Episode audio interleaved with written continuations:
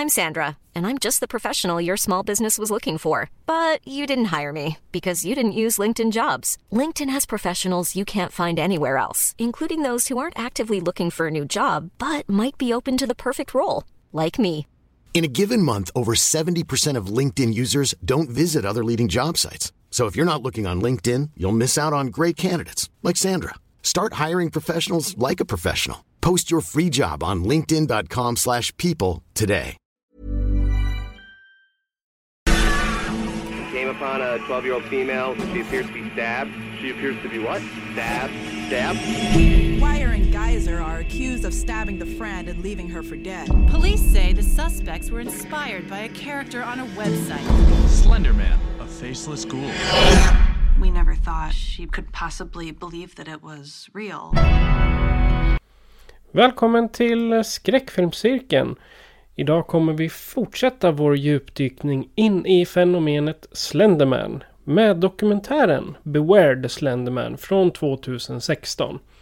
Ett allvarligt och tänkvärt utforskande om en händelse som skakade både land och internet. Vi ska göra en resa genom rättsväsende och psykologi där vi får insikt i de komplexa frågorna kring ansvar och moral när det gäller barnens eh, kollidering med faror som lurar på nätet. Så välkommen att tillsammans med oss utfärsk utfärska utforska de allvarliga aspekterna av Beware the Slenderman och få en insikt i utmaningar som uppstår när den digitala världen möter verkligheten. Och innan vi börjar så vill jag upplysa om att det kommer diskuteras både psykisk ohälsa och våld. Så om du är känslig för det här kanske du rent av, eller om det rent av är en trigger, så kanske detta inte är avsnittet du ska lyssna på. Och det finns minst 154 till avsnitt. Så att Fredrik, välkommen till den här Slenderman. Tack så mycket. Hur eh, har dina drömmar sett ut sedan eh, förra avsnittet? Ja, men de har sett bra ut. Ingen Slenderman här inte. Han håller ju på och hemsöker 12-åriga flickor istället. Han har, har inget han har inget intresse av 41-åriga gamla gubbar tydligen. nej, nej. Eh, Jag tycker skillnaden mellan eh, filmen vi såg där och den eh, gamla, liksom det var... Ja, det var en hel... En stor skillnad mellan dem. Så att jag är nöjd med att vi valde Netflix-varianten istället för Slender som jag bjöd på. Mm. Nåväl. I, eh, I det här fallet så var det ju mycket som vi inte har någon kunskap om. Och ja, det behövs ju liksom hjälp då. Så att eh, vi säger Välkommen praktik Claudia! Tack så mycket. Jag är här för att nörda ur på psykologi och andra aspekter. Det var väl nästan ett krav som du ställde att när vi kör det här då måste du vara med. Ja, ja, absolut. Men vi är tacksamma att ha, ha dig med här som liksom har lite mer know-how än liksom Patrik och jag som mest bara kan sitta och gubbgissa en jäkla massa. Vilket jag ska villigt erkänna att, det satt jag gjorde under den här dokumentären. Tills och med att dokumentären bitchsläpade mig så hårt så att jag satt och grinade sen. För att allt jag hade gubbgissat mig fram till var ju fel! Men eh, vad säger ni om att prata om eh, lite fiktiva saker som vi har sett sen eh, sist vi pratade? Och för Claudia var det ju ett tag sedan. Men Fredrik, har du sett något intressant sen vi pratade om Slenderman sist? Jo då, jag har haft ett lite 90-talsorgie här just nu.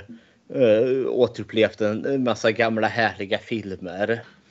Eh, jag såg om en rulle som heter Just Cause från typ 97 där någonstans. Med Sean Connery i huvudrollen. Eh, han får, han är då en, en före detta, en pensionerad försvarsadvokat är han väl som nu då spenderar liksom sin eh, pension att föreläsa på olika eh, ja, universitet och högskolor.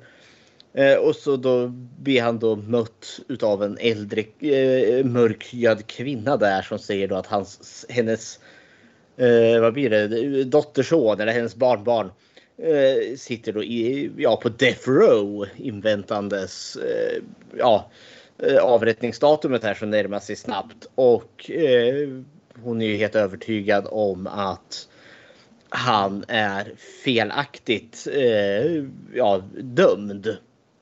Eh, och det pikar hans intresse och så ger han sig ut på en liten odyssé eh, för att liksom avslöja saker och ting. Och mycket ploppar upp.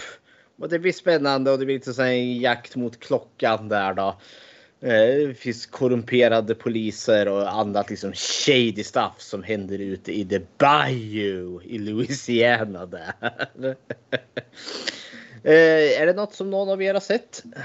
Länge sedan, men jag minns den som väldigt, väldigt bra. okay. Men Lawrence Fishburne är ju med och spelar den korrupta sheriffen där. Och Ed Harris spelar en fantastiskt obehaglig seriemördare som också sitter där på Death Row. Som sitter inne med massa hemligheter. Ja, eh, nu ska vi se. Sen har jag sett Hard Rain med Christian Slater där och Morgan Freeman från 98. En gammal actionrökare där. Där Slater spelar en Eh, ja, han är, eh, är, vakt på en värdetransport och de ska flytta ut en massa pengar från en stad för det är en mindre stad för det är en stor översvämning på gång så man håller på att evakuera staden. Men just då passar ju Morgan Freeman på för han har tänkt råna uh, nämnda värdetransport. Men allt går ju åt faderulsingen och så blir det då en katt och råtta jakt i den här ja, vattenfyllda småstaden. Där Christian Slater måste hålla jämna steg mot Morgan Freeman och hans bankrånarpolare. Eh, en god, eh, god dum film. Så jag tänkte det måste ha varit ett jäkla ader att göra för de är liksom konstant i vatten. Och det måste ha varit pissigt som skådespelare att behöva göra. Men det är en fräck film. Är det något som någon av er har sett? Jajamän, även denna glada, har jag glada minnen av. Men mm. det är evigheter sedan jag såg den. ja, det är lite samma här. För liksom jag är verkligen på en 90-tals eh, nostalgivurm här. För det är också så här, ja men tio år sedan jag såg den. Och det, den var fantastiskt underhållande. och 90-talig. men det är väl vad jag har sett. Okej, okay. Claudia då? Mm, jag har suttit och binge-tittat eh, på en anime har jag gjort mm. som heter Frieren Beyond Journey's End. Mm. Och då är premissen att det är en fantasyvärld med alver och dvärgar och sånt. Eh, och så är det ett klassiskt fantasy-äventyrsparty som kommer i första avsnittet så kommer de tillbaka från sitt äventyr och så får vi följa alven som såklart lever längst av, alla, eh, så får vi följa henne efter äventyret och vad hon mm. hittar på åren efteråt och hur hon minns sitt äventyr och sånt. Det är en väldigt stillsam story. Man följer henne hur hon upptäcker liksom eh, människornas värde i ögonblicken för de lever ju inte flera tusen år. Och så, ja, så beger hon sig ut på ett nytt äventyr medan hon försöker minnas sitt gamla äventyr. Jättebra anime. Väldigt lugnande, mysig. Inte skräckinjagande, inte obehaglig utan bara myspys. Åh, ganska ny såg jag. Kom ut 2023. Mm. Mangan är väl inte fullt lika ny men Nej, okay. uh, det, adaptionen är spröjlans ny. Uh, väldigt värt att se, finns på Crunchyroll. Mm. Jag, jag, tror att man kommer åt den även på den gratisversionen med reklam. Mm. Härligt. Mm. Wunderbar. Pat Patrik, vad har du sett? Eller ja, vi har, vi har bingeat The Big Bang Theory. Det är typ vad jag har sett på tv. Men däremot eh, har jag tittat på, eller jag har inte tittat, jag har haft i öronen har jag haft bokserien Döden i december av eh, Caroline och Leif Grimwalker. Och det, jag tror jag sa det i förra avsnittet också. Nu har jag läst ut alla, eller lyssnat ut alla tio böckerna. Och det var spännande. Så det är ju en eh, serie som jag starkt rekommenderar. Och det är lite Wallander möter Johan Falk. Och på steroider. En, eh, en, ja, en, en, polis från Stockholm som kommer till december som inte existerar. Det är en, en, hem, en påhittad stad. För att leta efter sin fru och sin son som är eh, försvunna. Och spåren har ledit honom dit. Och i december så har vi en polisstyrka. Vi har en eh, sekt uppe på ett berg. Soltempelsekten. Och de äter folk under sin eh, sol... Ja, ni, ni, ni, förstår. Tänk er eh, GTA 5 typ. Där uppe har de också en sekt på ett berg. Mm -hmm. så här, ja. det, det, är lite... Ja men det, det, är faktiskt väldigt intressant. Eh, de skrev ju de här tio böckerna på oh, vad var det? Sex månader eller något sånt där. Nu vill inte jag kasta skugga här men för mig är det lite av en varningssignal att tio böcker på sex månader. Mm. Hur är kvaliteten då? Tänker jag. Liksom Stephen King vet jag ju, det är en kvalitativ skräckförfattare. Men han gör ju är känd för liksom sitt hiskliga produktionstakt. Men det brukar ju ta honom ett år att avsluta en bok. Mm. Om jag får tänka på att de är två. tio böcker. Ja men det låter mycket. Ja, det, är, alltså, det, är ju inte, det är ju inte tusen sidors eh, böcker nej, nej, det här. Nej. Utan de inläsningarna är ju typ fyra, sex timmar. Så att det är ju lite som en eh, tv-serie skulle jag tänka. Jämföra. Tänk en morden, morden i midsommar med en sekt och en seriemördare. Så att ja, det, men de är väl värda att läsa. Mm. Ja, det, det, kan jag, det, det, kan jag tycka. Men det är vad jag har roat mig med. Idag så har vi ju då det riktiga fallet när det gäller Slenderman från 2016. Eller ja, dokumentären som vi ska prata om är från 2016. Den har problem och den har innehåll som vi ska diskutera. Men jag tänkte fråga dig, eh, Claudia. När kom du i kontakt med Slenderman första gången? Um, första gången jag kom i kontakt med Slenderman är ju via Creepypasta. Uh, och det var ganska strax efter den här um, tävlingen när man skulle photoshoppa um, han Knutsen har jag för mig att han hette. Mm uh, det tog ganska så snabb fart direkt efter och blev en stor snöboll och så var det först lite berättelser i Youtube-filmer, eh, små Youtube-klipp som eh, var i stil med eh, när jag var liten, bla bla bla, hittade på de här sakerna och här är bilden. Och då såg jag han, Slenderman. Eh, och det var på en väldigt basal nivå precis när det började ta fart. Eh, och jag tyckte ju att det var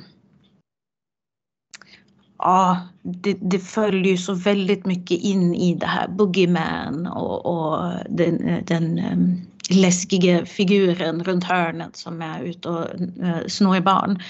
Så jag tyckte inte det var särskilt spännande.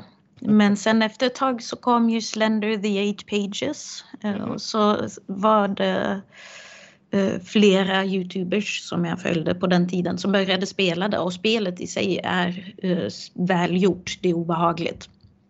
Och jag testspelade det också.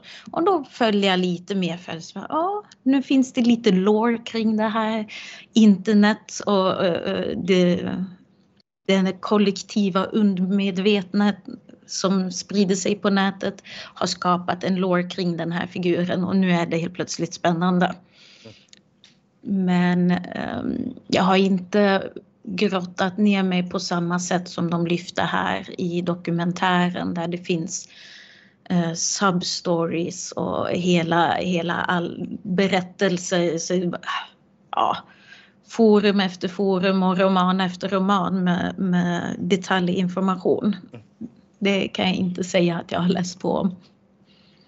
Slenderman är så fascinerande på det sättet att Ja, men av just creepypasta så känns det som att Slenderman var den som var störst egentligen. Det var den som på något vis och vänster nådde utanför sin egen sfär.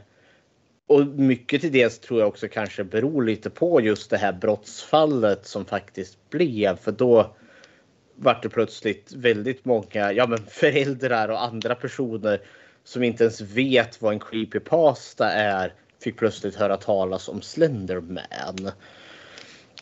Men jag tänkte han var, han var stor redan innan dess också.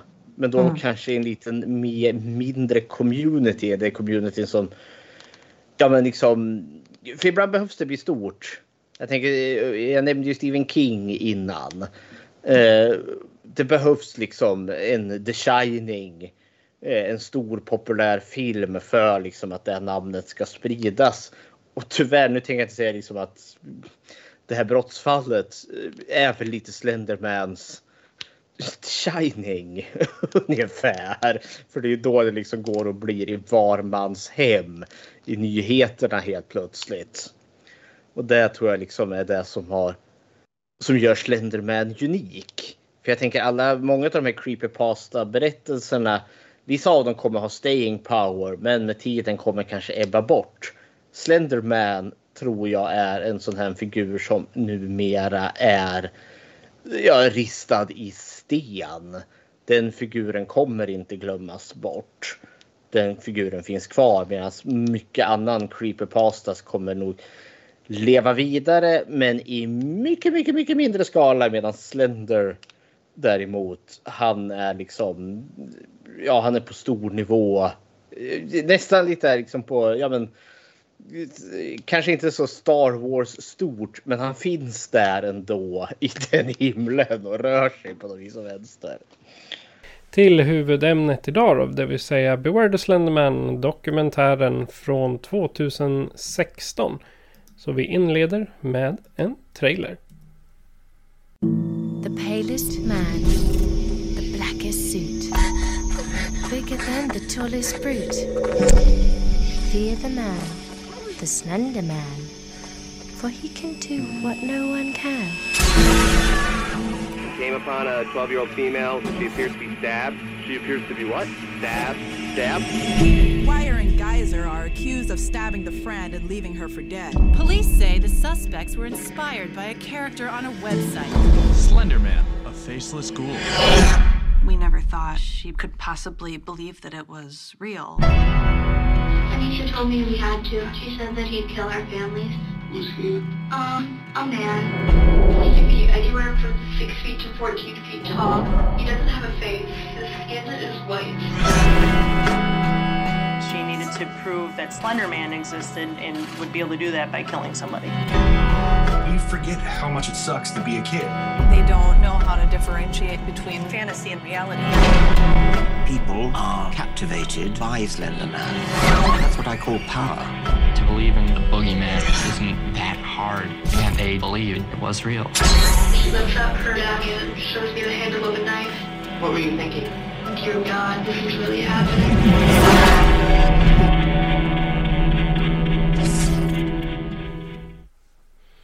I skogen utanför Waukesha, Wisconsin knivhugger två 12-åriga flickor sin klasskompis 19 gånger den 31 maj 2014.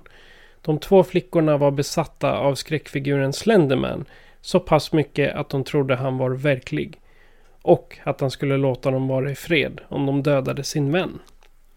Så beskriver HBO dokumentären Beware the Slenderman från 2016. Och eh, det här är en eh, problematisk dokumentär. Jag vill upprepa det eh, jag sa i början. Känner du att du har problem med psykisk ohälsa och eventuellt triggas av det. Då kan du lyssna på ett annat avsnitt. Men Fredrik, tanken med den här filmen, dokumentären, den var ju lite... Vi riktar in oss mer på Claudia än på oss. dels för att det här är en fascinerande berättelse. Men det är också när vi ändå så gjorde Slenderman så är, kommer alltid det här fallet upp. Och nu finns det en ganska välgjord dokumentär kring det. Så det kändes det naturligt att vi ändå skulle ge oss kast i det här. Och det är också intressant på flera olika sätt. Dels fallet, men sen också Slender. Men sen också den här aspekten av true crime. Och hur etiskt det är eller inte är. Så, men ja, och sen hade vi också tillgång till bästa Claudia här.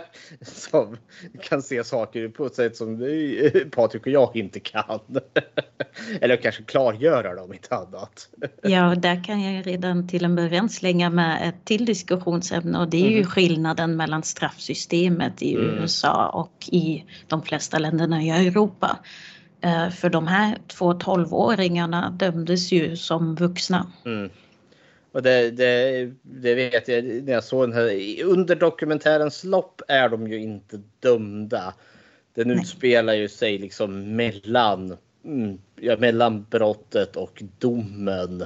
Mm. Eh, och så när dokumentären är slut så vet vi ju inte hur det gick. Men nu vet vi ju det. De fick ju 25 till 40 år livstidsstraff var det ju båda två.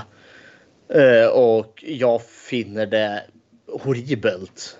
Ska jag villigt erkänna. Det, det, det är min åsikt. Men jag finner det inte rimligt att en 12-åring ska bedömas som en vuxen person även om brottet de begick var hemskt. Men ja, hepp det är vad jag tycker. Vi kan börja med dig eh, Claudia. Om du har några vi brukar kalla för inledande tankar när det gäller spelfilmer. Men just eh, en allmän tanke över den här dokumentären. Min allmänna tanke med dokumentären är nog eh, att påminna om att dokumentärer är underhållning. De har mm. manus, de har en vision om vad det är de vill porträttera. Dokumentärer är inte um, en faktapresentation. Ehm, det är, eh, de är filmade på ett sätt som ska sälja, det ska få tittare att bli sugna, så det är lite dramatiserat. Men sen är det också att det ska ha en story, det ska ha ett visst flow. Ehm, och även om det finns gott om dokumentärer som presenterar fakta precis som det är så finns det precis lika många som kanske nudgar lite eller uttrycker saker på ett sätt som kanske är lite kryddat jämfört med verkligheten. Och att man behöver komma ihåg det när man ser specifikt true crime dokumentärer för att de ändå handlar om den värsta dagen i någons liv. Mm. I mångt och mycket. Jag tänker lite på den här dokumentären Don't fuck with cats. Eller The Cats.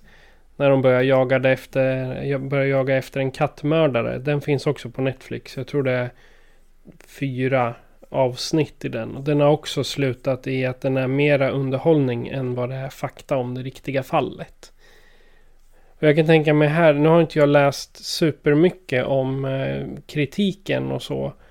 Men eh, rent ur föräldraperspektiv så måste det ju vara hemskt att eh, bli filmade bli intervjuade och sen klipper eh, producenterna ihop det här till något som ska underhålla en eh, publik i dryga två timmar.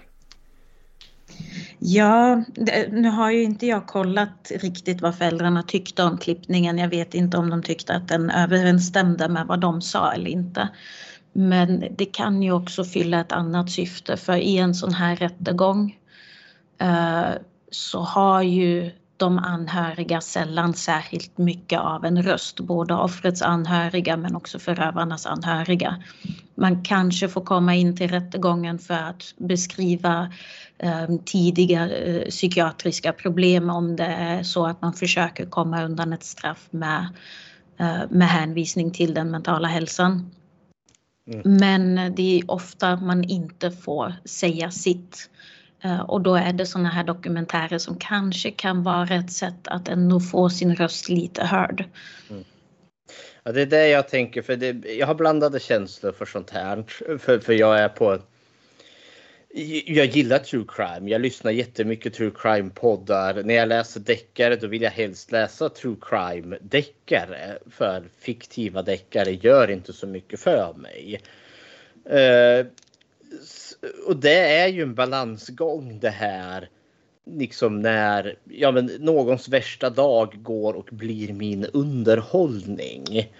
Och samtidigt kan jag inte låta bli att inte bli intresserad av det här. För liksom när jag hörde liksom eh, de första nyhetsrapporterna om det här mordförsöket och att deras motiv var Slenderman och skulle blidka honom. Klart som fan att min uppmärksamhet drogs dit. Och en del av mig vill ju veta, för jag är så nyfiken. Trots att det finns ingenting som egentligen berättigar mig att överhuvudtaget ens få veta något. För jag är så långt ifrån ja, någon av de här personerna. Jag är bara nyfiken. Men sen när dokumentären väl kom, ja då såg jag ju den såklart. Uh, men jag är väldigt inne på det du säger Claudia, just att ge de anhöriga en röst. För i ett sånt här fall, tänker jag, Slenderman-fallet. Det blir så stort för det är nyhetsvänligt. Vi har två 12-åriga flickor som knivhugger den tredje för att blidka ett internetmonster. Wow! Alltså varenda nyhetsbolag de lär liksom ha krämat i byxorna för de tänker shit, det här kan vi sälja. Så då kommer ju det kavlas ut överallt. Folk kommer skriva, sociala medier kommer explodera. Folk kommer sitta och snacka vid, eh, vid matrumsbordet på arbetsplatserna. Och då blir det just det här de anhöriga röst går förlorad i allt det här. Och i en dokumentär, ja men då kommer det ju faktiskt fram. Eh, då kan de få säga sitt för alla kommer ju se den här dokumentären för alla är nyfikna på den. Eh, och då kan man ju liksom, ja, åtminstone få deras sak. De kan få sin sak sagd.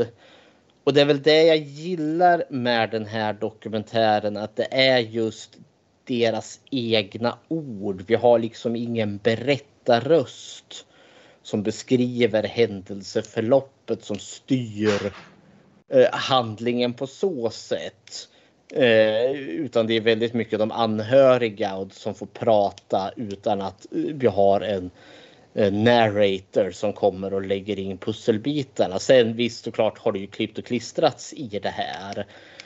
Men det gör att jag, jag har lite större tillförtroende till den. Eller, den känns mindre etiskt problematisk just eh, att det, i och med att det är de anhöriga som får prata eh, och inte eh, professor si och så som säger ditten och datten om vad de tycker och tänker. Men sen är det ju också att det blir så intimt att se de här föräldrarna i deras känslor, i den här galenskapen som de har kastats in i. Och jag är ju, jag är ju medryckt och berörd av detta. Så, så det gör att dokumentären blir stark i sig. Och samtidigt känner jag mig lite problematisk för vad fan sitter jag här och tittar på deras liksom mest intima känslor. Varför ska jag göra det? Men jag gör det ändå. Så det, jag står på två, på två ben här. Det här är ju en lite an, ett lite annorlunda upplägg mot vad vi brukar ha när vi har spelfilmer. Mm. Ja, då brukar vi köra karaktärerna, platsen, hotet. Men det, det lämpar sig inte riktigt på liksom en true crime dokumentär. Nej. Men samtidigt men... har vi ju personer i här som jag hemskt gärna vill prata om men då kan vi börja med att lägga grogrunden. Fredrik hade en bra idé där. Vi vill ha ju så själva, de som blir målt, eller huvudpersonerna här är ju våra två eh, de två flickorna som står anklagade för mordförsöket. Morgan Geiser och Anisa Weiser. Eh, det är ju de som liksom, ja men det, allting kommer kretsa kring deras, eh, ja vad som ledde fram till det här liksom dokumentären blir ju nästan lite som någon form av pusselgåta där man försöker liksom, ja, men nysta upp de här två flickorna. Vad var det som ledde fram till att det blev så här? Och sen dyker Slenderman någonstans upp i mitten. Där har vi professorerna som kommer in och pratar lite Slender och eh, vad han kan vara för något. Och sen är vi tillbaka till flickorna och liksom vad som föranleder det här brottet.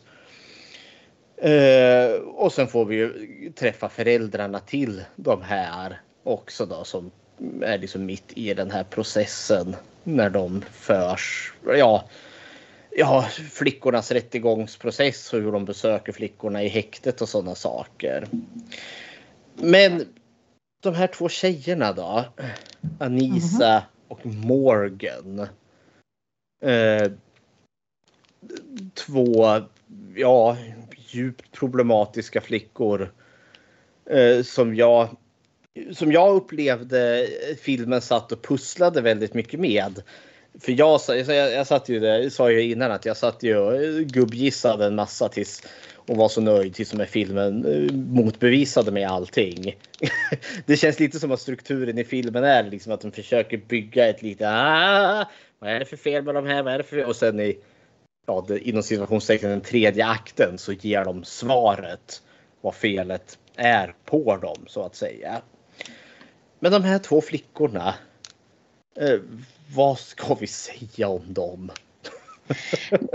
Det som man kan börja med att säga är ju att uh, beroende på vilken delstat det är, nu vet jag inte exakt hur det ser ut i uh, den här delstaten, men uh, utredningarna av psykologer och psykiatriker inför en rättegång är ju extremt ytliga. Det är ju inte uh, långa diagnostiserande samtal. Det är inte uh, att man inhämtar information från närstående. Det, det är liksom inte en i en sjukvårdande kontext. Uh, så diagnoser som sätts i samband med en rättegång skulle jag nog alltid säga att man ska ta med en liten nypa salt. Mm.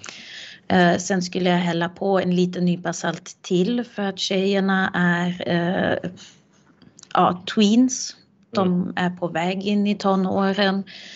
Eh, det är en svår ålder att utreda vissa eh, psykiatriska sjukdomar på för att det är sån ohygglig skillnad från barn till barn. Hur långt de har kommit i sin utveckling. Hur, eh, vilken status de har neuropsykiatrisk. Är de med sina jämnåldriga eller är det kanske någon som tar lite tid på sig fortfarande, är lite mer i barnskorna. Mm. Eh, så även om det ställs väldigt, de, ställ, de sätter väldigt pricksäkert är de här diagnoserna. Jag tror eh, ena tjejen hade eh, oppositional defiant eh, och, eh, och schizofreni. Mm. Ja, det, var ja. Väl, det var väl Morgan som fick den mm. diagnosen. Ja, och sen var det också schizoid typ. Men även om de presenteras som väldigt pricksäkra så skulle jag nog säga att det här kanske är första steg och mm. i den riktningen där de här tjejerna kanske har sina svårigheter. Jag tror inte att det, de fullständiga diagnoserna som hade satts om de här tjejerna hade fått hjälp genom vården istället. Mm. Och det är ju också, jag tänker liksom diagnoser satta för att det är en rättegång på gång. Mm. Så det, vi har ju liksom, det finns ju både ett åklagarintresse att få ammunition för att kunna döma de här och det finns ett försvarsintresse också att få ammunition att kunna säga att de här ja, men de, de är inte tillförräkneliga på grund av deras sjukdomstillstånd. Jag upplevde som så att den här dokumentären framade lite, eller åtminstone min resa genom den här dokumentären var ju för det, det, är Morgan som knivhugger. Det är hon som knivhugger Peyton 19 gånger. Medan Anisha eh, är aldrig där. Hon håller aldrig i kniven. Och jag upplevde som till en början så målas det lite upp som att det är Morgan som är musklerna medan Anisha är hjärnan. Som att det är Anisha som då är hon som introducerar Slenderman för hon är besatt utav Slenderman i, i, i, ja, från, från sitt flickrum där. Pratar med Slender, om Slender med Morgan och drar liksom med Morgan i det. Eh, och under den längsta tid så kände jag men det, det är nog lite så här det är. Morgan är medlöparen och Anisha är, är den som liksom skimar ihop det hela. För att sen då liksom bygga fram till twisten att nej, men det är Morgan som har den här schizo, barnschizofrenin. Hon ser saker som inte finns där. Uh, och att det kanske var hon då som var väldigt mycket i- insnöad på Slenderman. Så jaha, oj vilken twist. Uh, så jag upplever den här dokumentären har ju ett narrativ som försöker spinna ändå. Så upplevde ni att ni fick någon balansen mellan de här två tjejerna? Eh, Jag tittade lite snabbt på nä- nätet här. Bayer, Alyssa alltså, släppte de ju 2021. Med en GPS. Eh, Med ja, fotboja. Ja, precis med GPS. Mm. Och i år, eller förra året, september. Så har de varit i rätten och fått beordrat att ta bort den. Mm. Så Bayer är ju då frisläppt. Men Morgan sitter fortfarande inne på ett... Eh, det, det står mental institution. Uppåt Okej. 40 år skulle hon ju sitta där. Men då kommer vi till en fråga eh, som jag har. Vad är schizofreni? För det återkommer de till flera gånger. Mm. Schizofreni är ju ehm, en sjukdom. Ehm, den eh, gör att man har svårigheter att skilja mellan sin inre dialog och den yttre världen. Ehm, man är ofta väldigt självkritisk, ehm, mår dålig och eh, får mm, Ja, man, kan få eh, psykostillstånd Eh, som en följd av den här sjukdomen. Eh, och då kan det vara att man ser saker, det kan vara att man hör saker eller det kan vara att man ehm, blir, in, jag vill inte säga besatt, men man blir väldigt stressad av viss, vissa eh, tankemönster.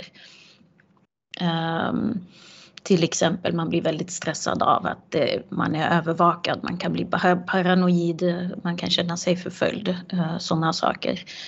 Eh, I dokumentären pratar de en hel del om visuella hallucinationer. Vilket egentligen inte är det vanligaste. Det vanligaste är ju att man hör saker. Ehm, men det, självklart, det finns att man kan se saker som inte finns där. Eh, oftast är det en följd av att Uh, självkritiken och det här dåliga måendet som man har sen innan eh, att det på något vis kopplas till den yttre världen så att man känner att någonting utifrån är på en hela tiden. Så istället för att ha den här inre dialogen, ah fy fan vad jag su- suger, det här är dåligt, jag är dålig så. Så känns det som om det är någonting utifrån som hela tiden hackar på en med de här saker, sakerna och det i större utsträckning än vad vissa andra kanske går och tänker negativt. Och det är det jag tänker, det är då Slenderman blir ett ytterst olyckligt liksom i den kombinationen. För Slenderman-mytoset är ju liksom, tänker du på han, då kommer han. Och liksom, han är som ett virus som sprider sig. Och motivet ska ju ha varit att de behövde döda hon Peyton för att eh, ja, jag får eh, bli hans proxys var det väl. Mm. Eh, att liksom dels skydda sig från honom så han inte skulle döda dem och deras familj. Genom att då hamna på hans goda sida. Och då eh, efter mordet på Peyton som nu tack och lov misslyckades så skulle de ju leva i hans herrgård. I någon nat nationalpark som låg en herrans massa mil därifrån. Så jag tänker där i, i ett sånt här liksom ja, det här knepiga tillståndet som schizofreni kan vara, liksom den mer paranoida biten. Då är ju Slenderman ett rent jävla gift om det är där liksom din sjukdom börjar fokusera på. Ja, både den här paranoida biten är för att det är ett monster som ska förfölja dig och staka mm. och det finns där och ingen annan kan se det. Så det matchar ju väldigt bra in på de här uh, tankarna kopplade till förföljelsekänslor. Mm. Men också att det är ändå en, speciellt på den tiden, en väldigt bred Eh, figur. Det mm. finns inget ansikte, det finns ingen fast story bakom det. Så man kan lägga in lite vad som helst i det. Mm. De nämner i, i uh, dokumentären också att det är någon som säger att uh, uh, Slenderman är en, ett tomt monster som man kan göra till vad man vill. Mm.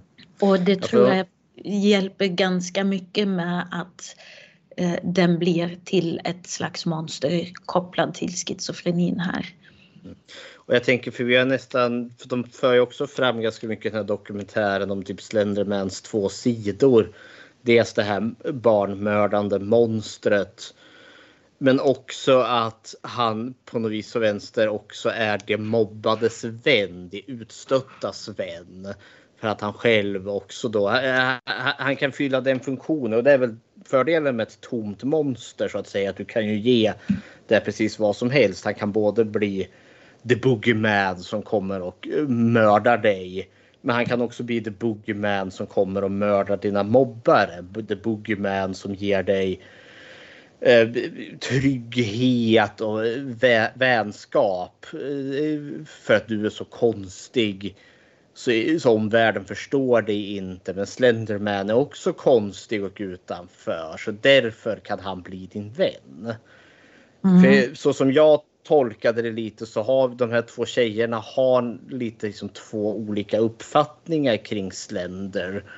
Morgan, där är det mer det här, det här hotfulla monstret som vi måste liksom blidka eh, honom genom att döda Peyton där.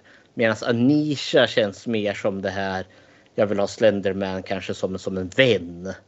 För hon, för hon är den här utstötta tjejen som har svårt att passa in. Så där har, jag upplevde att Anisha hade en mer romantiserande bild kring Slenderman medan Morgan hade en mer monsterbilden utav Slenderman.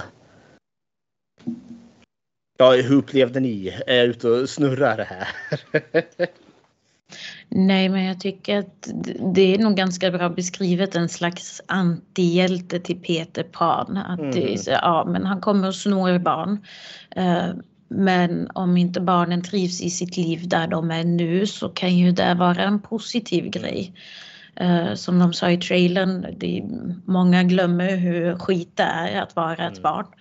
Eh, och sen är det väl kanske att överdriva lite men de här två tjejerna verkade ju skapligt isolerade. De mhm. verkade ha skapligt svårt med sociala kontakter utanför sin lilla sfär som de ändå hade byggt.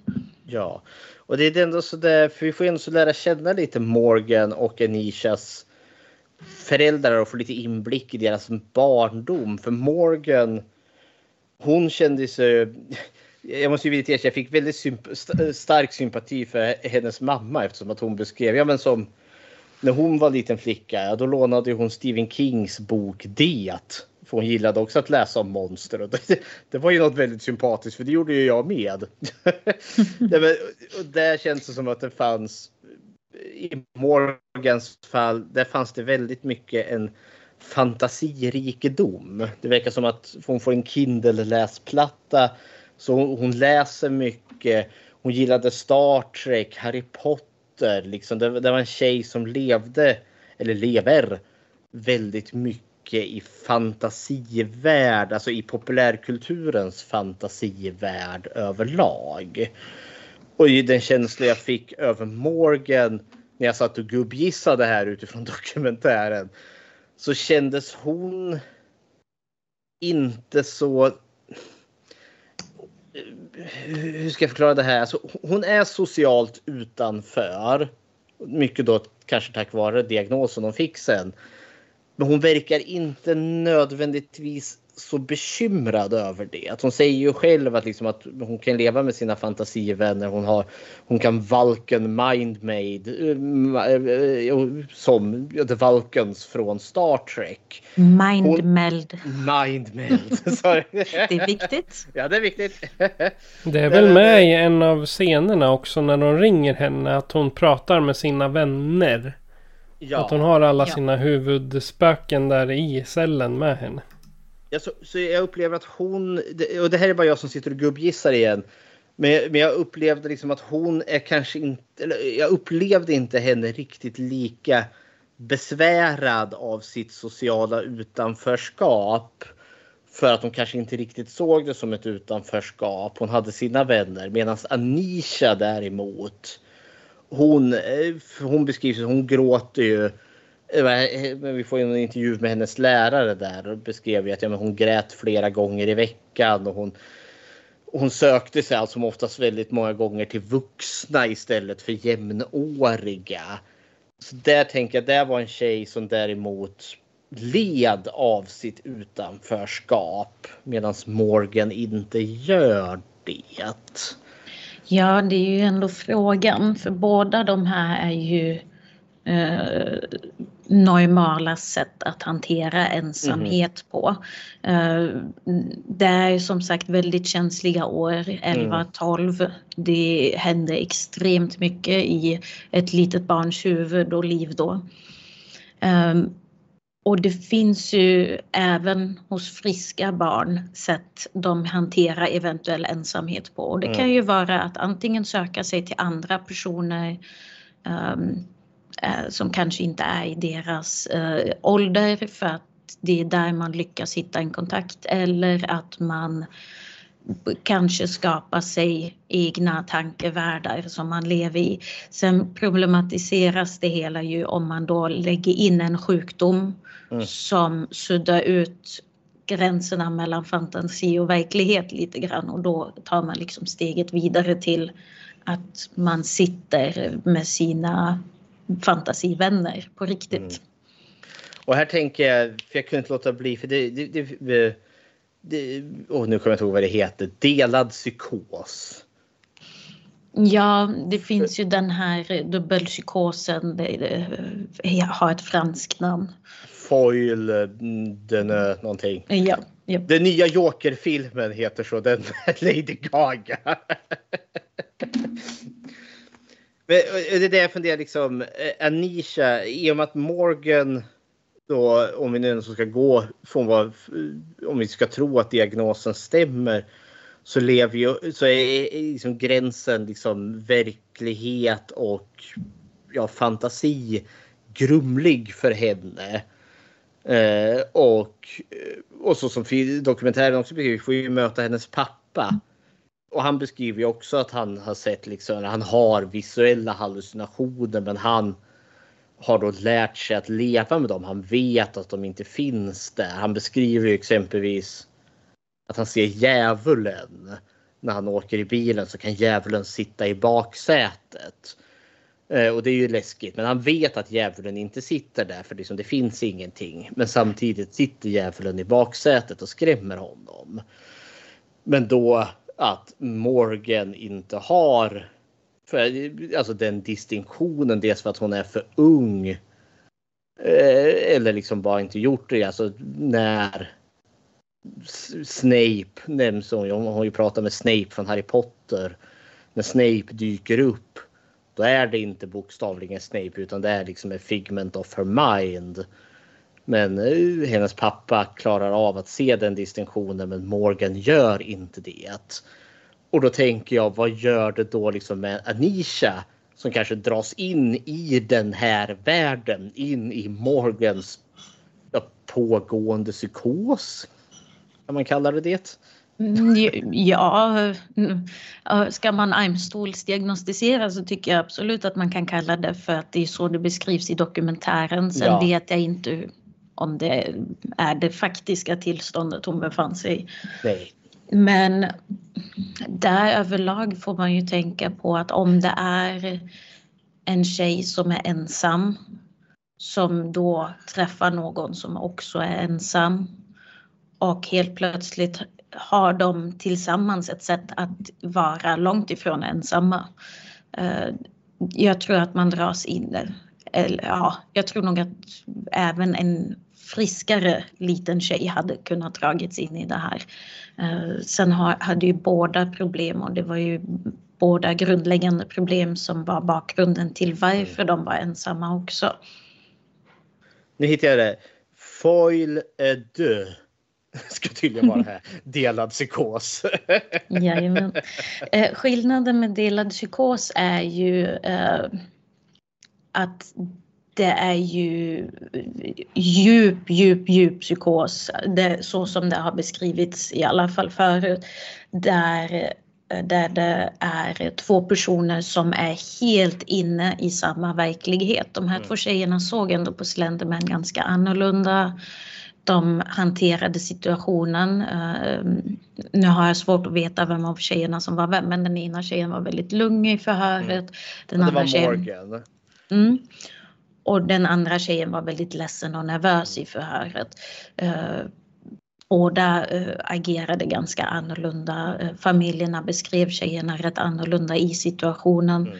Så jag tror inte att det var en delad psykos på det sättet. Nej. Utan jag tror bara att här var, det blev en perfect storm mm. av tjejernas eventuella sjukdomstillstånd. Mm. Och internetkulturen just den tiden. För den har ju ändrats enormt mycket sedan dess. Så jag, ja, jag tror, jag tror att det snarare är eh, en perfect storm än mm. en delad psykos. Det finns ju den här, det här andra fallet med delad psykos där det var två tvillingar som utvecklade ett eget språk och de levde helt i en annan värld. Men då fanns ju som sagt båda inne i samma värld, mm. såg på världen på samma sätt. Ja, ja nej. Eh det är fascinerande. Och samtidigt blir jag också lite ledsen för som sagt de fick ju de här hårda domarna. Mm. Nu är Anisha ute igen. Eh, vilket känns rimligt ändå. För jag ser ju det här. Alltså det här är ju liksom för mig bara en djup tragedi. Utav psykisk ohälsa. Och liksom det här hade kunnat förhindras om det här hade kunnat upptäckas kanske och hanteras på ett bättre sätt. För jag känner det här är inte Ted Bundy, John Wayne Gacy, damer. Alltså när vi liksom finner sådana groteska brott. Och samtidigt är det ett jäkligt grovt brott som sker. Så hon, eh, for the grace of God, överlevde Peyton. Hon mm. hade lika gärna kunnat dött där. Ja, vilken kämpe. Gud ja, och det, det var ju också liksom mardrömsartat eh, när jag försökte sätta mig in där i hennes situation. Hon knivhuggs 19 gånger. Också hur, för, för det klipps ju till de här förhören som är ganska kusliga ändå hur de här två tjejerna berättar. Sen underlättar det ju att man har lagt på massa kuslig musik också såklart. Såklart. såklart. Därav underhållningsdelen eh, utav avsnittet. Ja, och det blir ju Ander, för jag vet ju. jag så har ju ibland. För det, och det här är också som är så märkligt med Amerika. Man kan ju gå ut på Youtube och så liksom kolla förhör. De här bandade förhören. Så man kan ju se de här intervjuerna i sin helhet om man så önskar. Eh, på, något, ja, på någon kanal på Youtube eller något sånt där. Det händer ju inte här i Sverige. Jo då. Men, i, eh, men i Amerika händer det ju det. Liksom här, här, i Sverige, det närmaste jag kommit det är ju typ Rättegångspodden. Vi har de här ljudupptagningarna som också är klipp och klistrat. Och de, de, har ju också hamnat i blåsväder i frågan om hur etiskt rätt det är eller inte.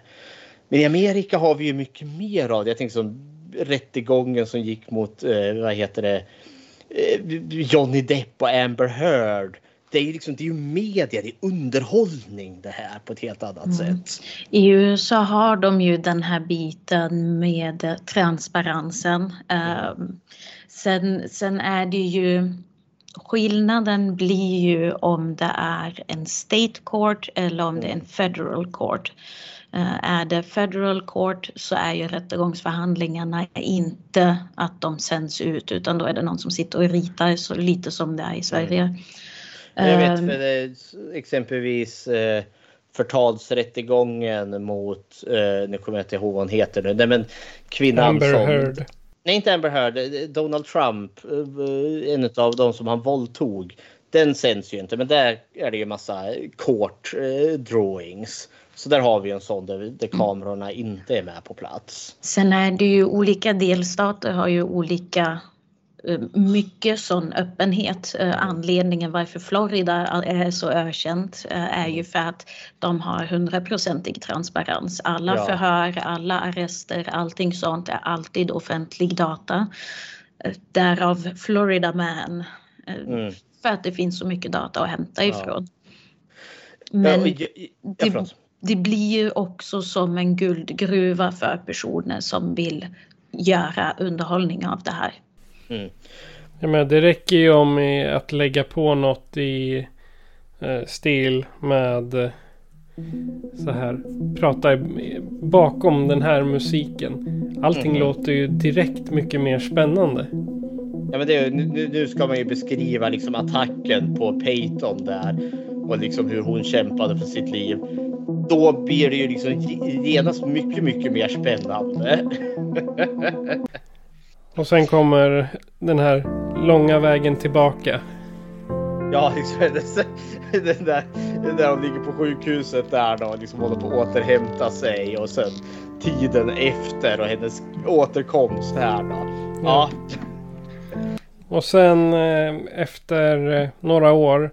Då är det, då är det bröllop.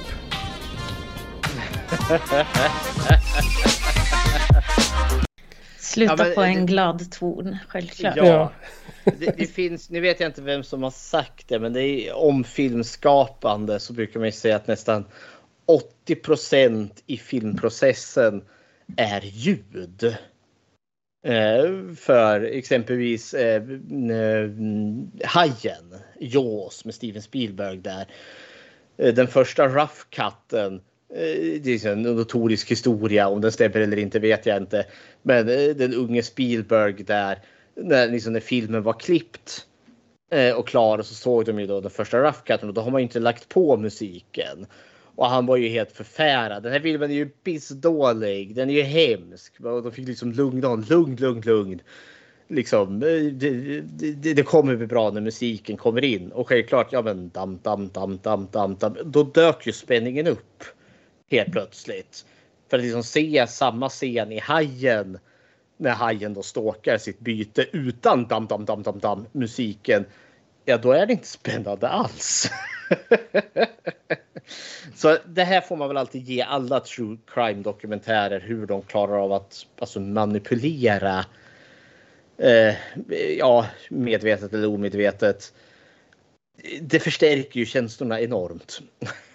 Absolut, och det är ju, det är ju en viktig punkt i filmer, det är en viktig Mhm. punkt i dokumentärer, det är en viktig punkt även i, i ja, vad ska man säga, videoessäer. Även om man Mhm. inte eh, siktar på underhållningen utan siktar på att förmedla fakta så är det ju fortfarande, det säljer så mycket bättre med lite musik som följer liksom den här fantastiska dramaturgiska valen. Mm. För då gömmer man kanske om själva storyn inte gör det. Mhm. Ska vi ställa en sån fråga? Jag ställde den nu här till, till mig och till er. Ska man göra såna här dokumentärer överhuvudtaget? Mom deserves the best, and there's no better place to shop for Mother's Day than Whole Foods Market. They're your destination for unbeatable savings, from premium gifts to show-stopping flowers and irresistible desserts. Start by saving 33% with Prime on all body care and candles. Then get a 15-stem bunch of tulips for just $9.99 each with Prime. Round out Mom's menu with festive rosé, irresistible berry chantilly cake, and more special treats. Come celebrate Mother's Day at Whole Foods Market Ryan Reynolds here from Mint Mobile. With the price of just about everything going up during inflation, we thought we'd bring our prices down. So to help us, we brought in a reverse auctioneer, which is apparently a thing. Mint Mobile unlimited premium wireless. Ready to get 30, 30, bit to get 30, bit to get 20, 20, 20, bit to get 20, 20, bit to get 15, 15, 15, 15 just 15 bucks a month. So, Give it a try at mintmobile.com slash switch. $45 upfront for three months plus taxes and fees. Promo rate for new customers for limited time. Unlimited more than 40 gigabytes per month. Slows. Full terms at mintmobile.com. Och om man gör det, är det okej? Ja, man gör ju dem nu, men borde vi låta bli att göra dem? Min direkta känsla är ju hur man gör dem. Inte, snar, inte direkt att man ska. Som eh, det här Cecil Hotel, Bandy och alla de där dramatiserade eh, dokumentärerna. Det är ju en underhållning.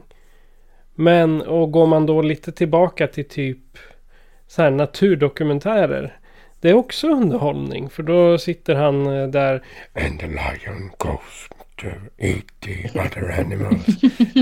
så, så att alltså en dokumentär är svår att göra utan att det är underhållning. Mm. Annars blir det en sån här gammal journalfilm som man fick se på mellanstadiet. Om vikten av att äta grönsaker. Alltså om, om ni förstår vad jag menar. Mm. Dokumentärerna kan man göra men då måste det vara tydligt att det här gör vi för underhållning och det här är våran, våran vinkel på det så att säga. Ja, för det är ju även som du sa naturdokumentärer. Jag tänker på, på Disney när de jagade ner de här stackars lämlarna för Ja. ett stup. För att ljuga om att det finns någonting som heter lämmeltåg. Mm. Ehm, det är ju... Det, jag tror också att det, etiken ligger nog i skapandet. Att eh, man är transparent om man lägger in tolkningar, om man lägger in eh, saker som kommer från ens egna förkunskap eller ens egna ehm, ens egna tankar och tolkningar snarare än eh, objektiv fakta. F- För mm, att göra dokumentärer tycker jag att man, eller misstänker jag att vi inte kan komma undan ifrån för det är inbyggt i våran hjärna. Vi vill veta om saker som är farliga för hur ska vi annars kunna undvika dem.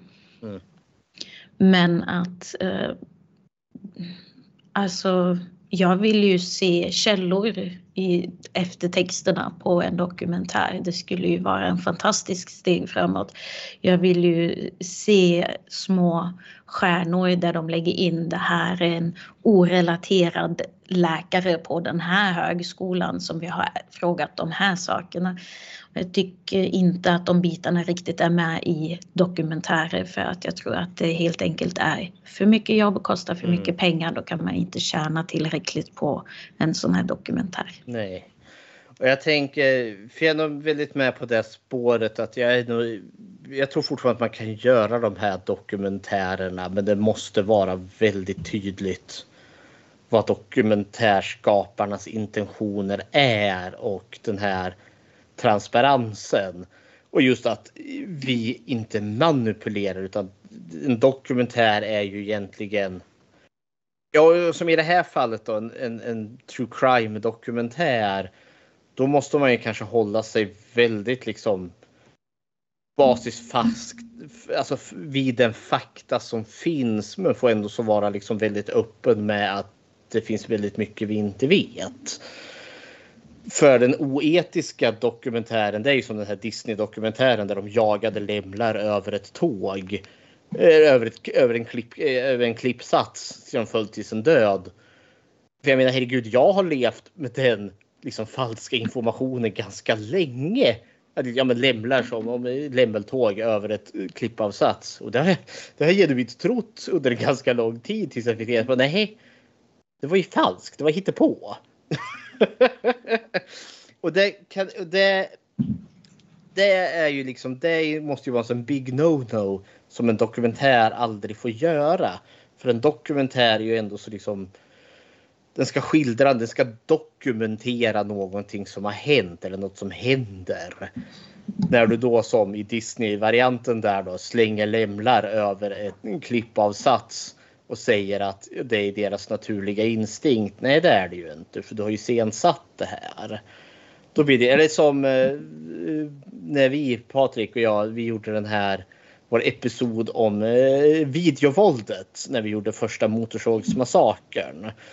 Stu, Studio S där när de förde den här, eh, ja, var så upprörda över att barn hade ju sett de här hemska filmerna som Motorsågsmassakern. Eh, och andra hemska filmer där med mycket starka våldsinslag typ 20 år senare vart ju de här barnen intervjuade och det visade sig mycket, ja de hade ju sett de här klippen. Men det var ju Studio S-folket som hade stövlat in på den här skolan, pratat med lärarna och de kunde få loss lite barn som de kunde få visa lite videoklipp för. Ja, och så var det ju videoklipp, alltså mordscenerna från Motorsågsmassakern. Uh, eh, liksom, som ungarna fick sitta på. Så det var i de Studio S-folket som kom med våldsfilmerna, plockade ut ett gäng ungar, lät dem titta på den och sen intervjuade dem. Vad var det för läskigheter ni såg här? Ja, det var läskigt. Och nu beskyller vi liksom hyrvideobutikerna för att eh, vara orsaken till detta. Medan det var ju de själva som var orsaken. Där har vi ett jättebra exempel på superoetiskt. ja, kära värld, nu for jag iväg i tanken här. Jag ber om ursäkt. Men det finns, jag, jag ser ändå lite kopplingar mellan det här videovåldet eller till exempel Satanic Panic mm. och den här eh, paniken kring creepypastas som mm. kom efter det här mordfallet. För att nu har man helt plötsligt den här väldigt handfasta saken som man kan stoppa in i en mening och så, ha, så fattar folk vad man pratar om. Och nu kan vi beskylla väldigt mycket på eh, för den här grejen. Det är, uh, det är slasherfilmerna, det är därför vi har våldsbrott. Nej, det är satanisterna eller djävulsdyrkarna eller whatever. Ja, det är därför vi har våldsbrott och, det är, och nu är det den här creepypasta och de här Eh, internetskräckfigurerna, det är därför vi har våldsbrott. Mm. Istället för att säga okej, okay, det är väldigt komplicerat mm. med, med mental hälsa, eh, social omkrets kring de här barnen, eh, politisk situation i den mm. del med hur sjukvården hanteras och så vidare. Och det samspelet av alla de här jättekomplexa delarna som leder till eh, sådana här situationer. Ja. Det säljer inte lika bra. Det är mycket mm. bättre att kunna säga nej men det, du, det, det där är slasherfilmen. Mm. Ja, för jag tänker att filmen, dokumentären Beware the Slenderman tar inte riktigt upp det. Men jag kan mycket väl tänka mig att liksom det, det måste ha funnits liksom en liten smärre moralpanik om ja, men de här 12-åriga flickorna blev mordiska på grund av att de var på internet och läste creepypastas. Det var Slenderman berättelsen som gjorde dem galna.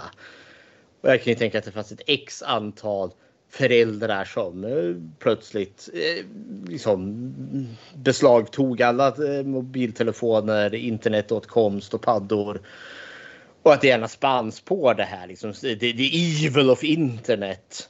Eh, för det är ju liksom den enklare berättelsen. Istället för den här betydligt mer komplexa som vi har här. För jag tänker det finns lite en underline. När jag tänker till föräldrarna till de här två flickorna som jag tyckte jag ändå så plocka upp den här dokumentären. Att båda ställer sig frågande. vi såg inte det här komma hade vi kunnat gjort något för att förhindra det här? Eh, och ja, eh, jag känner väl liksom att det, det, finns lite den här. Vad hade vi kunnat gjort för att förhindra detta? Var det internets fel? Eh, men det är en förenkling utav hela den här komplexa situationen. Men hade de kunnat gjort något, alltså rent eh, om vi gör en, en teori här nu, så här som amatör-tv-psykologer. Eh, hade de kunnat gjort någonting? Eller tror ni att eh, det här eh, informationen hade kommit till dem ändå? Själva historien? Jag tror att även om de här tjejerna aldrig hade läst om Slenderman i sig så hade nog någonting annat tagit den historiens plats. Um, sen kan man inte säga, ja men hade de blivit våldsamma ändå? Mm, svårt att säga, för i Slenderman finns det ändå det här med att proxys är, attackerar folk och sånt. Mm, jättesvårt att säga. Eh, men det finns ju också, jag läste om ett fall där det var en 19-åring i eh, en annan delstat eh, som istället följde My Little Pony. Mm. Och fick omfattande psykiatrisk hjälp, hade socialarbetare som man hade veckovis kontakt med, hur mycket insatser som helst och gjorde ändå en massskjutning i en oh, Fedex-terminal. Så här ja. har vi då också en, en sjuk ungdom mm. um, som tar till våld. Men vi omständigheterna runt omkring är um, väldigt, väldigt annorlunda. Ja, och det, och det kunde man ju också spinna på det här, alltså nästan som antitesen till det här då, för han var besatt av My Little Pony. Och den är det ju liksom friendship is magic, där konflikterna löses så fredligt som möjligt med väldigt stark betoning på gemenskap och mm. jag tycker om varandra. Ändå så slutar det en massskjutning.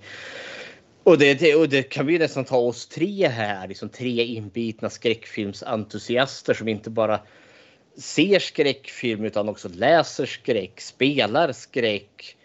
Och vi är liksom alla börjar närma oss medelåldern. Jag är långt över medelåldern.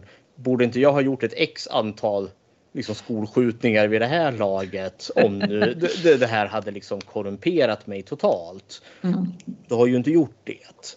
Så det finns ju andra aspekter till det här. Medan kanske jag kan fortfarande köpa till viss del att sån här media ändå så kanske kan vara utlösande för en människa som är kanske väldigt störd. Men samtidigt så kanske de personerna skulle eh, ha gjort det i alla fall. Om de inte hade haft skräckfilmen som en stimuli så hade de haft något annat som en stimuli, som en utlösande faktor. Ja, kära värld. Men i, eh, i efterdyningarna av den här händelsen då. Har ni eh, några tankar för framtiden för era barn, syskon, barn vänners barn. Hur tror ni man kan eh, motverka en sån här sak? Man kan ju aldrig göra mer än sitt bästa. Eh, jag tänker speciellt föräldrar går nog och grubblar hela tiden för det mm. mesta om hur kan jag göra det bästa för mitt barn eller hur kan jag göra de bästa grejerna så att mitt barn blir en bra person. Men jag hoppas i alla fall att föräldrar tänker så. Mm. Sen, sen är det så otroligt personligt, så otroligt individuellt vad vissa barn klarar av och inte klarar av. Eh, det finns barn som utan problem i sjuårsåldern kan sätta sig och titta på fredagen den 13 filmerna och förstå att ja, det här är fake. Det är filmer, det är eh, sirap som används som blod. Det är mm. inga problem fan vad Jason ser cool ut, roligt. Och så finns det barn som inte ens kommer i närheten av det som skulle vara livrädda och aldrig sova igen.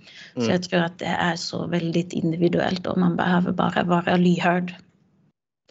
Jag önskar liksom att man kunde liksom som i det här fallet med, ja, med Morgan och Anisha där är det ju sådär liksom att det är så enkelt att vara efterklok när man sitter med facit i hand. Det här skulle man kanske ha gjort. Det här kanske vi skulle ha uppmärksammat. Jag tror ändå så att de här föräldrarna gjorde det bästa de kunde. Och tyvärr så tänker jag liksom att ibland händer sånt här. Blixt från klar himmel kan man till synes tycka trots att det här hade bubblat under ett halvårs tid. Får vi reda på hade de ju planerat det här. Men det går liksom inte att gardera sig mot galenskap. Hur, Breivik, jag tänker Utöja där. Den ensamma galningen. Gå, vi kan liksom inte gardera oss från liksom, när det slår slint. Och herre min ge, det är också det här. Jag tänker på andra brottsfall. Jag tänkte många seriemördare brukar ju ha förfärliga uppväxter. Så brukar man kunna visa på att ja, men det, det var det som fucked them up. Eh, så liksom jag behandlar dina barn bra då så får liksom ge, ge dem eh, uppmärksamhet och kärlek så blir det inte så här. Men sen har vi de här, ja men Ted Bundy som till synes hade en ganska normal uppväxt och det slog slint. Dennis Raiden, BTK-mördaren, verkade ju också liksom inte direkt haft någon horribel uppväxt och verkade ju vara en stabil, rimlig familjeman. Ja, det är så svårt det här. Hade det här liksom, som i det här fallet, hade det kunnat liksom gjorts någonting? Kanske, vad vet jag ja, man hade kanske uppmärksammat Morgans den här schizofrena biten för de hade det i familjen i form av deras pappa. Men återigen, hon verkade säkert stabil och trygg, trygg och lugn. Det är ju det här liksom för att kunna motverka det så måste vi liksom nästan på telepatisk nivå veta vad som försiggår i en annan människas huvud. Och det kan vi inte. Jag säger som du Claudia, vi kan bara göra det bästa vi kan. Sen kommer det hända otäcka saker ändå, tyvärr. Jag tänker som i, i Sverige ungefär, hur hade deras straff sett ut då? Ja, nu är ju inte jag så himla inläst på uh, hur det blir för ungdomar. Uh, jag, men, jag kanske inte ska säga straff, jag kanske ska säga mera vård. Ja, för skillnaden är ju att i det amerikanska straffsystemet så är det inskrivet att det ska finnas en bestraffande känsla för att eh, offret ska få den här mm. eh, rättvisekänslan.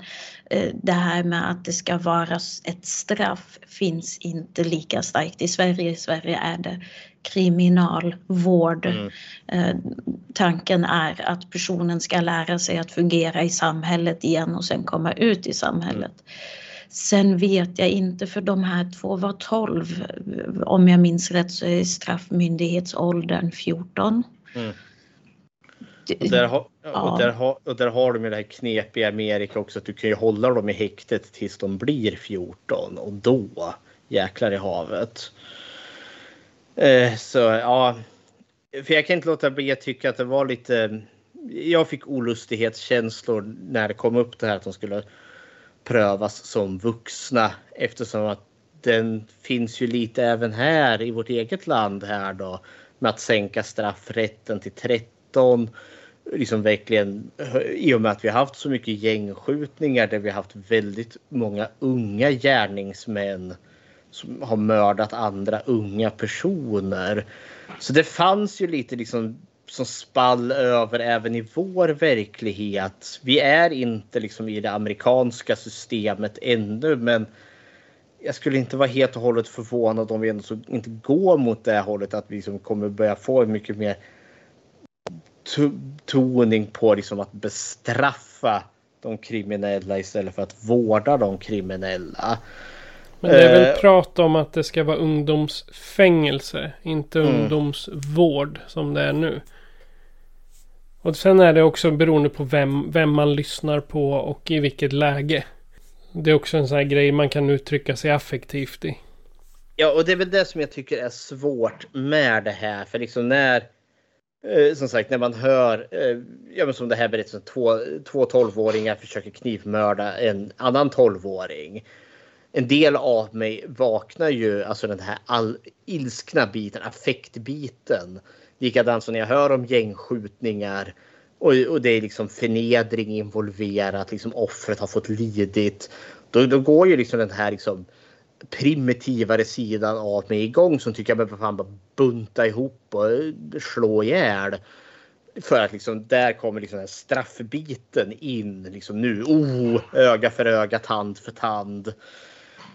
Men det är inte riktigt rimligt heller. Det är ju det. Skulle man leva öga för öga, tand för tand, öga för öga och hela världen kommer bli blind. Det funkar inte så. Men jag kan liksom förstå den här liksom. För hade det liksom drabbat någon som jag älskade, någon som stod mig nära. Nog fan skulle jag bli yxtokig och tycka liksom åt helsike med den här personen. Men då är kanske inte jag den bästa personen att bedöma i det här läget. Då borde vi ha de här som står utanför som liksom kan vara liksom den opartiskt titta på alla sidor. För skulle jag vara den som är drabbad som ska vara den som dömer. Jag kommer inte vara opartisk för jag kommer vilja ha vedergällning. Så, ja, och det kan jag också förstå kanske är lite opopulärt att säga. Så, ja, komplext. Jag, jag tänker ur eh, det här när, när, man arbetar i samhället. Det här det som händer nu. Det känns ju som något som skulle kunna hända i de här socialt utsatta områdena. När folk tröttnar på varandra helt enkelt. Eh, är det någonting som någon av er har hört har hänt? Tänker du då att det är um ungdomar som skyller på internet att de beter sig som de gör eller? Ungefär ja. Ja, det, det beror ju på. För jag, jag tänker barn är ju inte dumma i huvudet bara för att de är barn. Gör man dumheter och upptäcker att man i ett läge kommer mer lindrig undan om man skyller på någonting externt så kommer man att skylla på någonting externt. Eh, och de flesta barnen tror jag också har koll på, barn och ungdomar, att ja, men vuxna är skraj för videovåld, vuxna mm. är skraj för uh, det här på internet, uh, våldsamma spel och så vidare. Tar man då med det som en syndabock så tror jag uh, definitivt att det har dykt upp i fall även i Sverige där man kanske har hänvisat till det. Eller rapmusik eller vad som helst. Sen tror jag inte eh, att det är någonting annat än en droppe i havet av andra problem. Det är lite det jag funderar om vi återvänder till Slenderman-dokumentären här. När vi ser de här intervju eller förhörsintervjuerna med de här tjejerna. För jag jag, true crime som jag är så har jag sett ett x antal in, förhörsintervjuer där gärningspersonen eh, då uppenbart ljuger och liksom hittar på för att försöka komma undan eh, ja, straff. Då. Eh, hur upplevde ni de här tjejerna när de började prata om Slenderman och det som leder upp till, alltså som förklaring till det? jag hade lite svårt, för jag satt hela tiden och tänkte, ja men sitter de här och ljuger för att liksom, ja, men flytta över all skulden till Slenderman? Eller tror de faktiskt genuint på det? Hur upplevde ni det? För jag hade lite svårt att avgöra. Alltså i alla fall Morgan. Hon trodde genuint på det hon sa.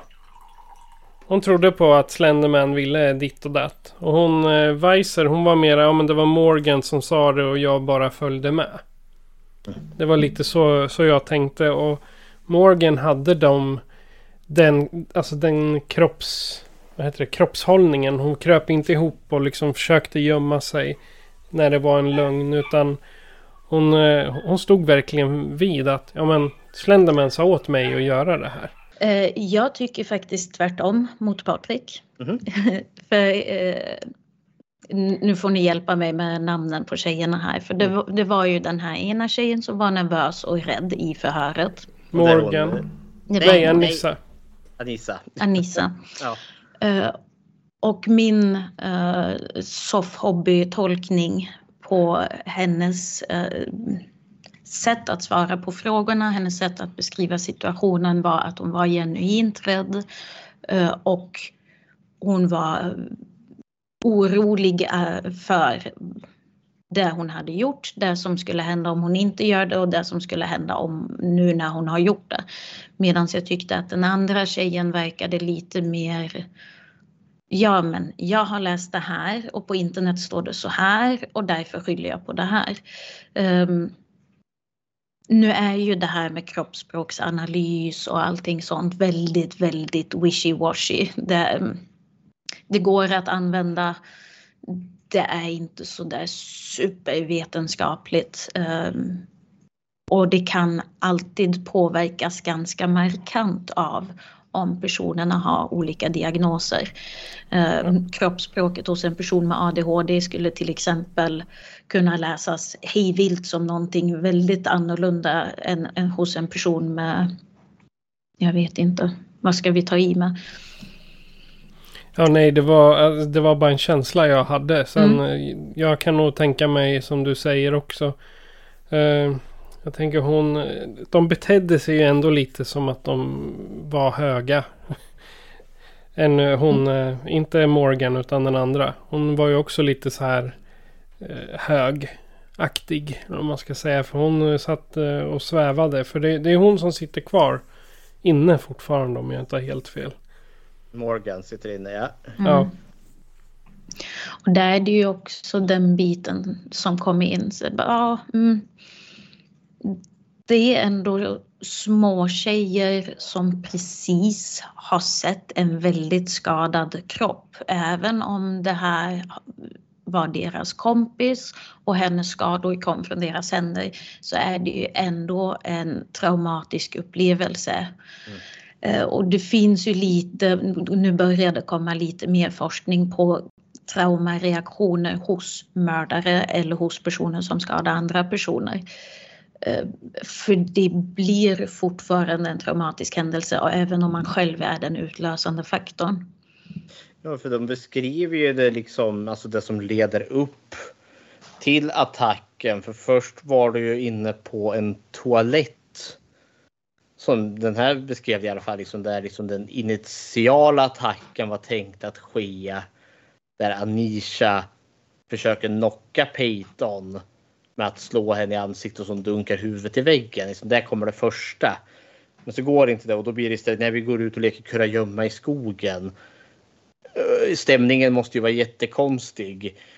Eh, men jag tänker där både Morgan och Alicia, liksom, det, det är något som bygger upp där och sen när väl själva attacken kommer där så måste ju det vara ett, ett, ett, ett adrenalinpåslag som står härliga till, tänker jag.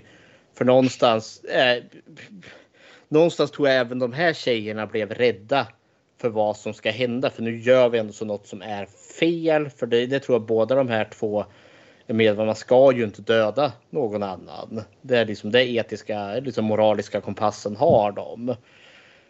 Men sen ska de ju liksom, eh, och, och de ska också blidka Slenderman. Tänk om Slenderman dyker upp här.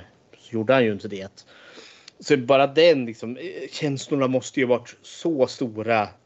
Och sen beger de sig iväg på den här promenaden. Uh, och i många av de här första förhören vi får se är ju samma kväll. Så visst, de måste ju liksom. De kan inte riktigt vara liksom.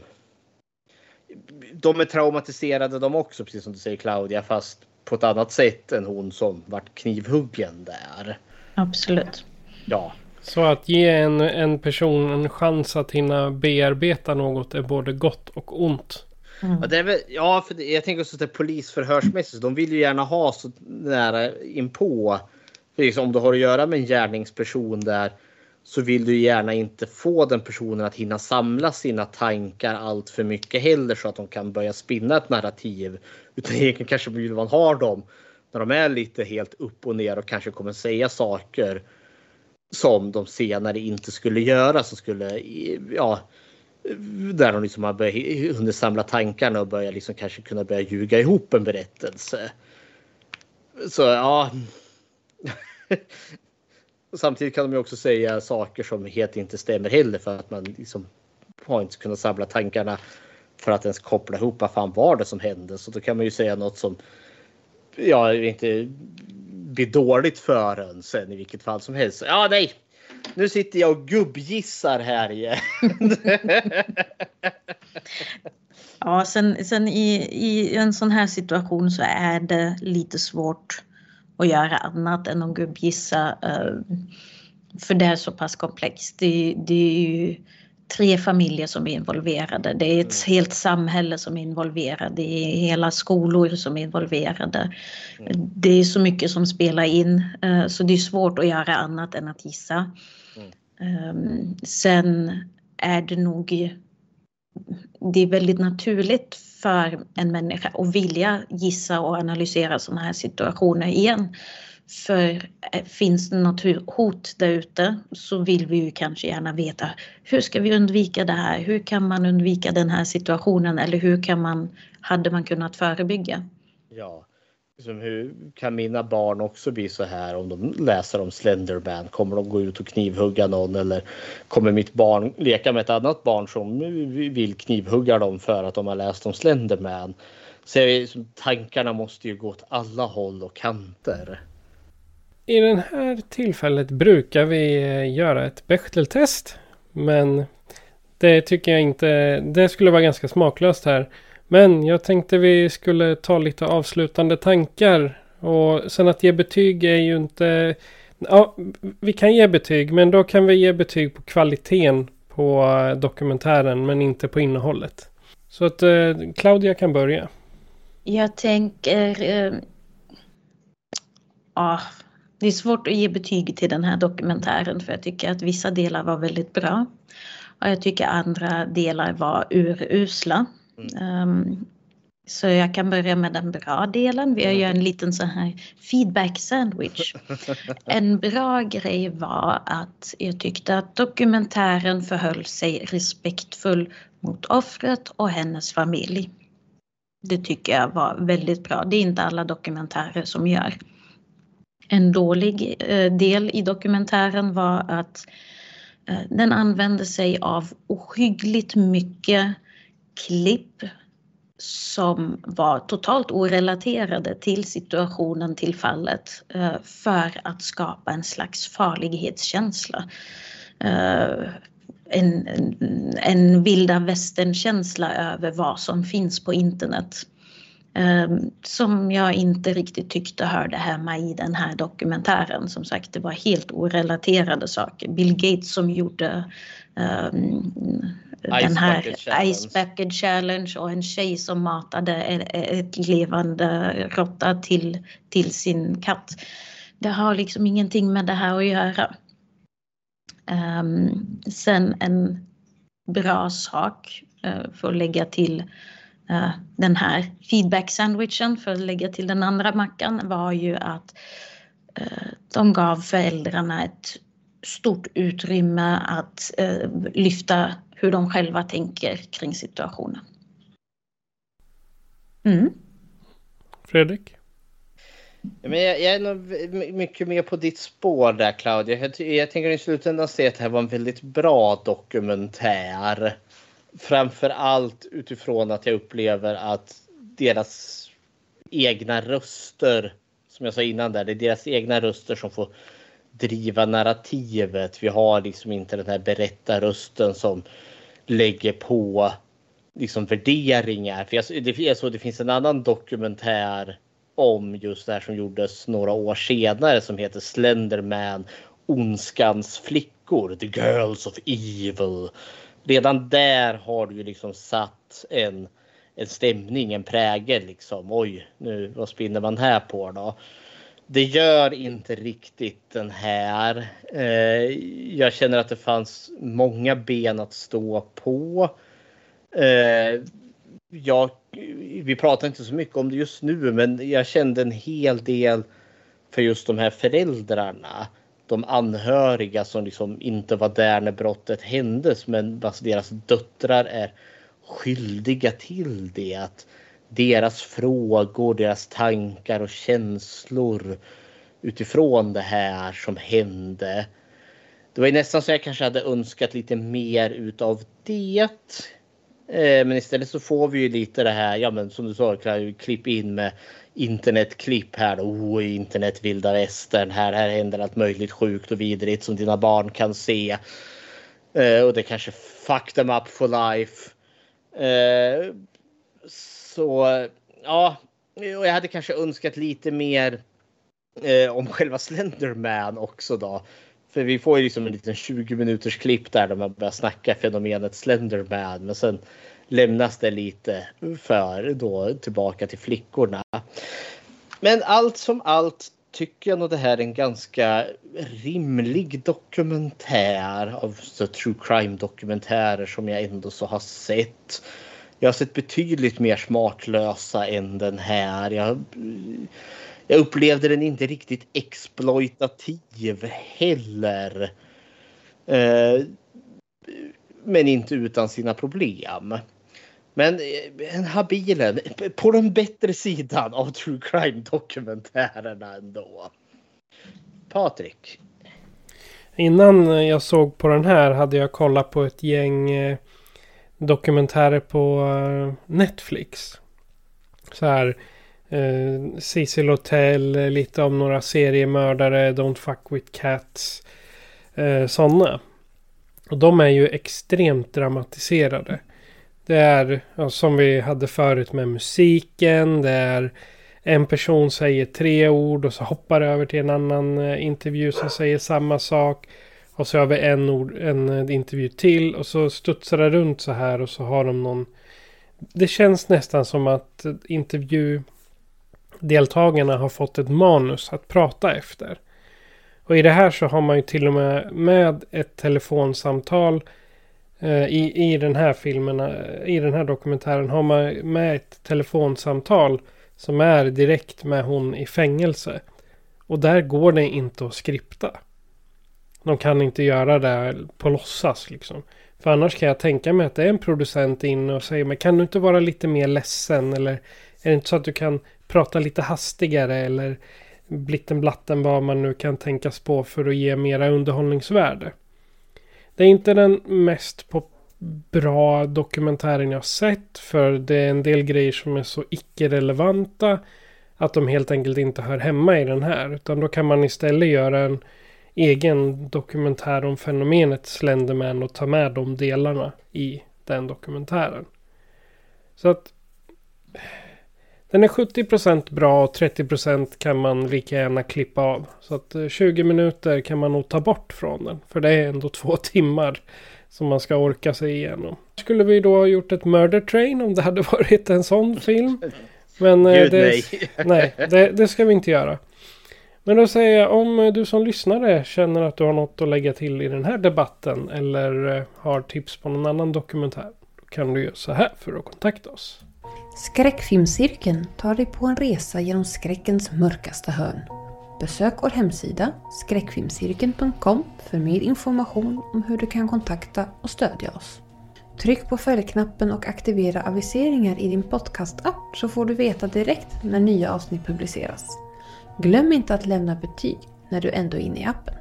Dela podcasten med dina vänner och sprid skräcken vidare. Om du vill diskutera filmerna i avsnittet kan du gå med i vår officiella Facebookgrupp Skräckfilmscirkeln Eftersnack. Skräckfilmscirkeln är en produktion av FPN Productions. Tack för att just du lyssnar. Och Fredrik, vad bjuder vi på i nästa avsnitt? Nu, vi har ju utnämnt 2024 till det svenska skräckfilmsåret. Och eh, vad ska man börja med då för svensk skräckfilm? Jo, den kultigaste av kultigaste svenska skräckfilmer som någonsin har gjorts. Och det är ju då Besökarna från 1988 där. Woho! Den ser jag fram emot. Mm -hmm. Jag ser också fram emot det för det känns som att det, nu är vi tillbaka i trygga vatten. Nu är det en fiktiv film. Nu kan vi bara brä på hur jävla mycket som helst. Inte det här svaga isen när vi står på en true crime dokumentär. Det är så svårt att säga utan att liksom göra allt för mycket dumt. Nu kan vi bara få, få ranta på över vad som är bra och dåligt. Men innan vi avslutar det här avsnittet så ska vi säga tack till Claudia som eh, var med och gav sina expertiskunskaper. Mina små nördtankar. Tack att jag fick vara med. Ja, men tusen tack. Det är alltid en fröjd att ha med det här och kunna veva ner allt för våra gubbiga gissningar. Då så, men vi har inte mycket mer kvar att säga än att jag heter Patrik. Jag heter Fredrik och med oss idag hade vi Claudia. Ni har lyssnat på Skräckfilmscirkeln. Adjö på er. Ajöken. Hej då. Have you heard of the guy who is 10 feet tall? He scares people away cause he's got no face at all. Super long arms with tentacle ends. But the tragedy is he just wants to make friends. But um dum dum slender man. Sympathy for slender man. He hangs out in the dark cause he's got nothing to do. For his very best suit just to impress you. Have sympathy for poor slender man. Ba-dum dum dum Slender Man Sympathy for Slender Man His raspy voice is just a common cold. He's got so many arms but nobody to hold. Have sympathy for poor Slender Man FPN Productions. Even when we're on a budget, we still deserve nice things. Quince is a place to scoop up stunning high-end goods for 50 to 80% less than similar brands. They have buttery soft cashmere sweaters starting at $50, luxurious Italian leather bags, and so much more. Plus, Quince only works with factories that use safe, ethical, and responsible manufacturing. Get the high-end goods you'll love without the high price tag with Quince. Go to quince.com/style for free shipping and 365-day returns.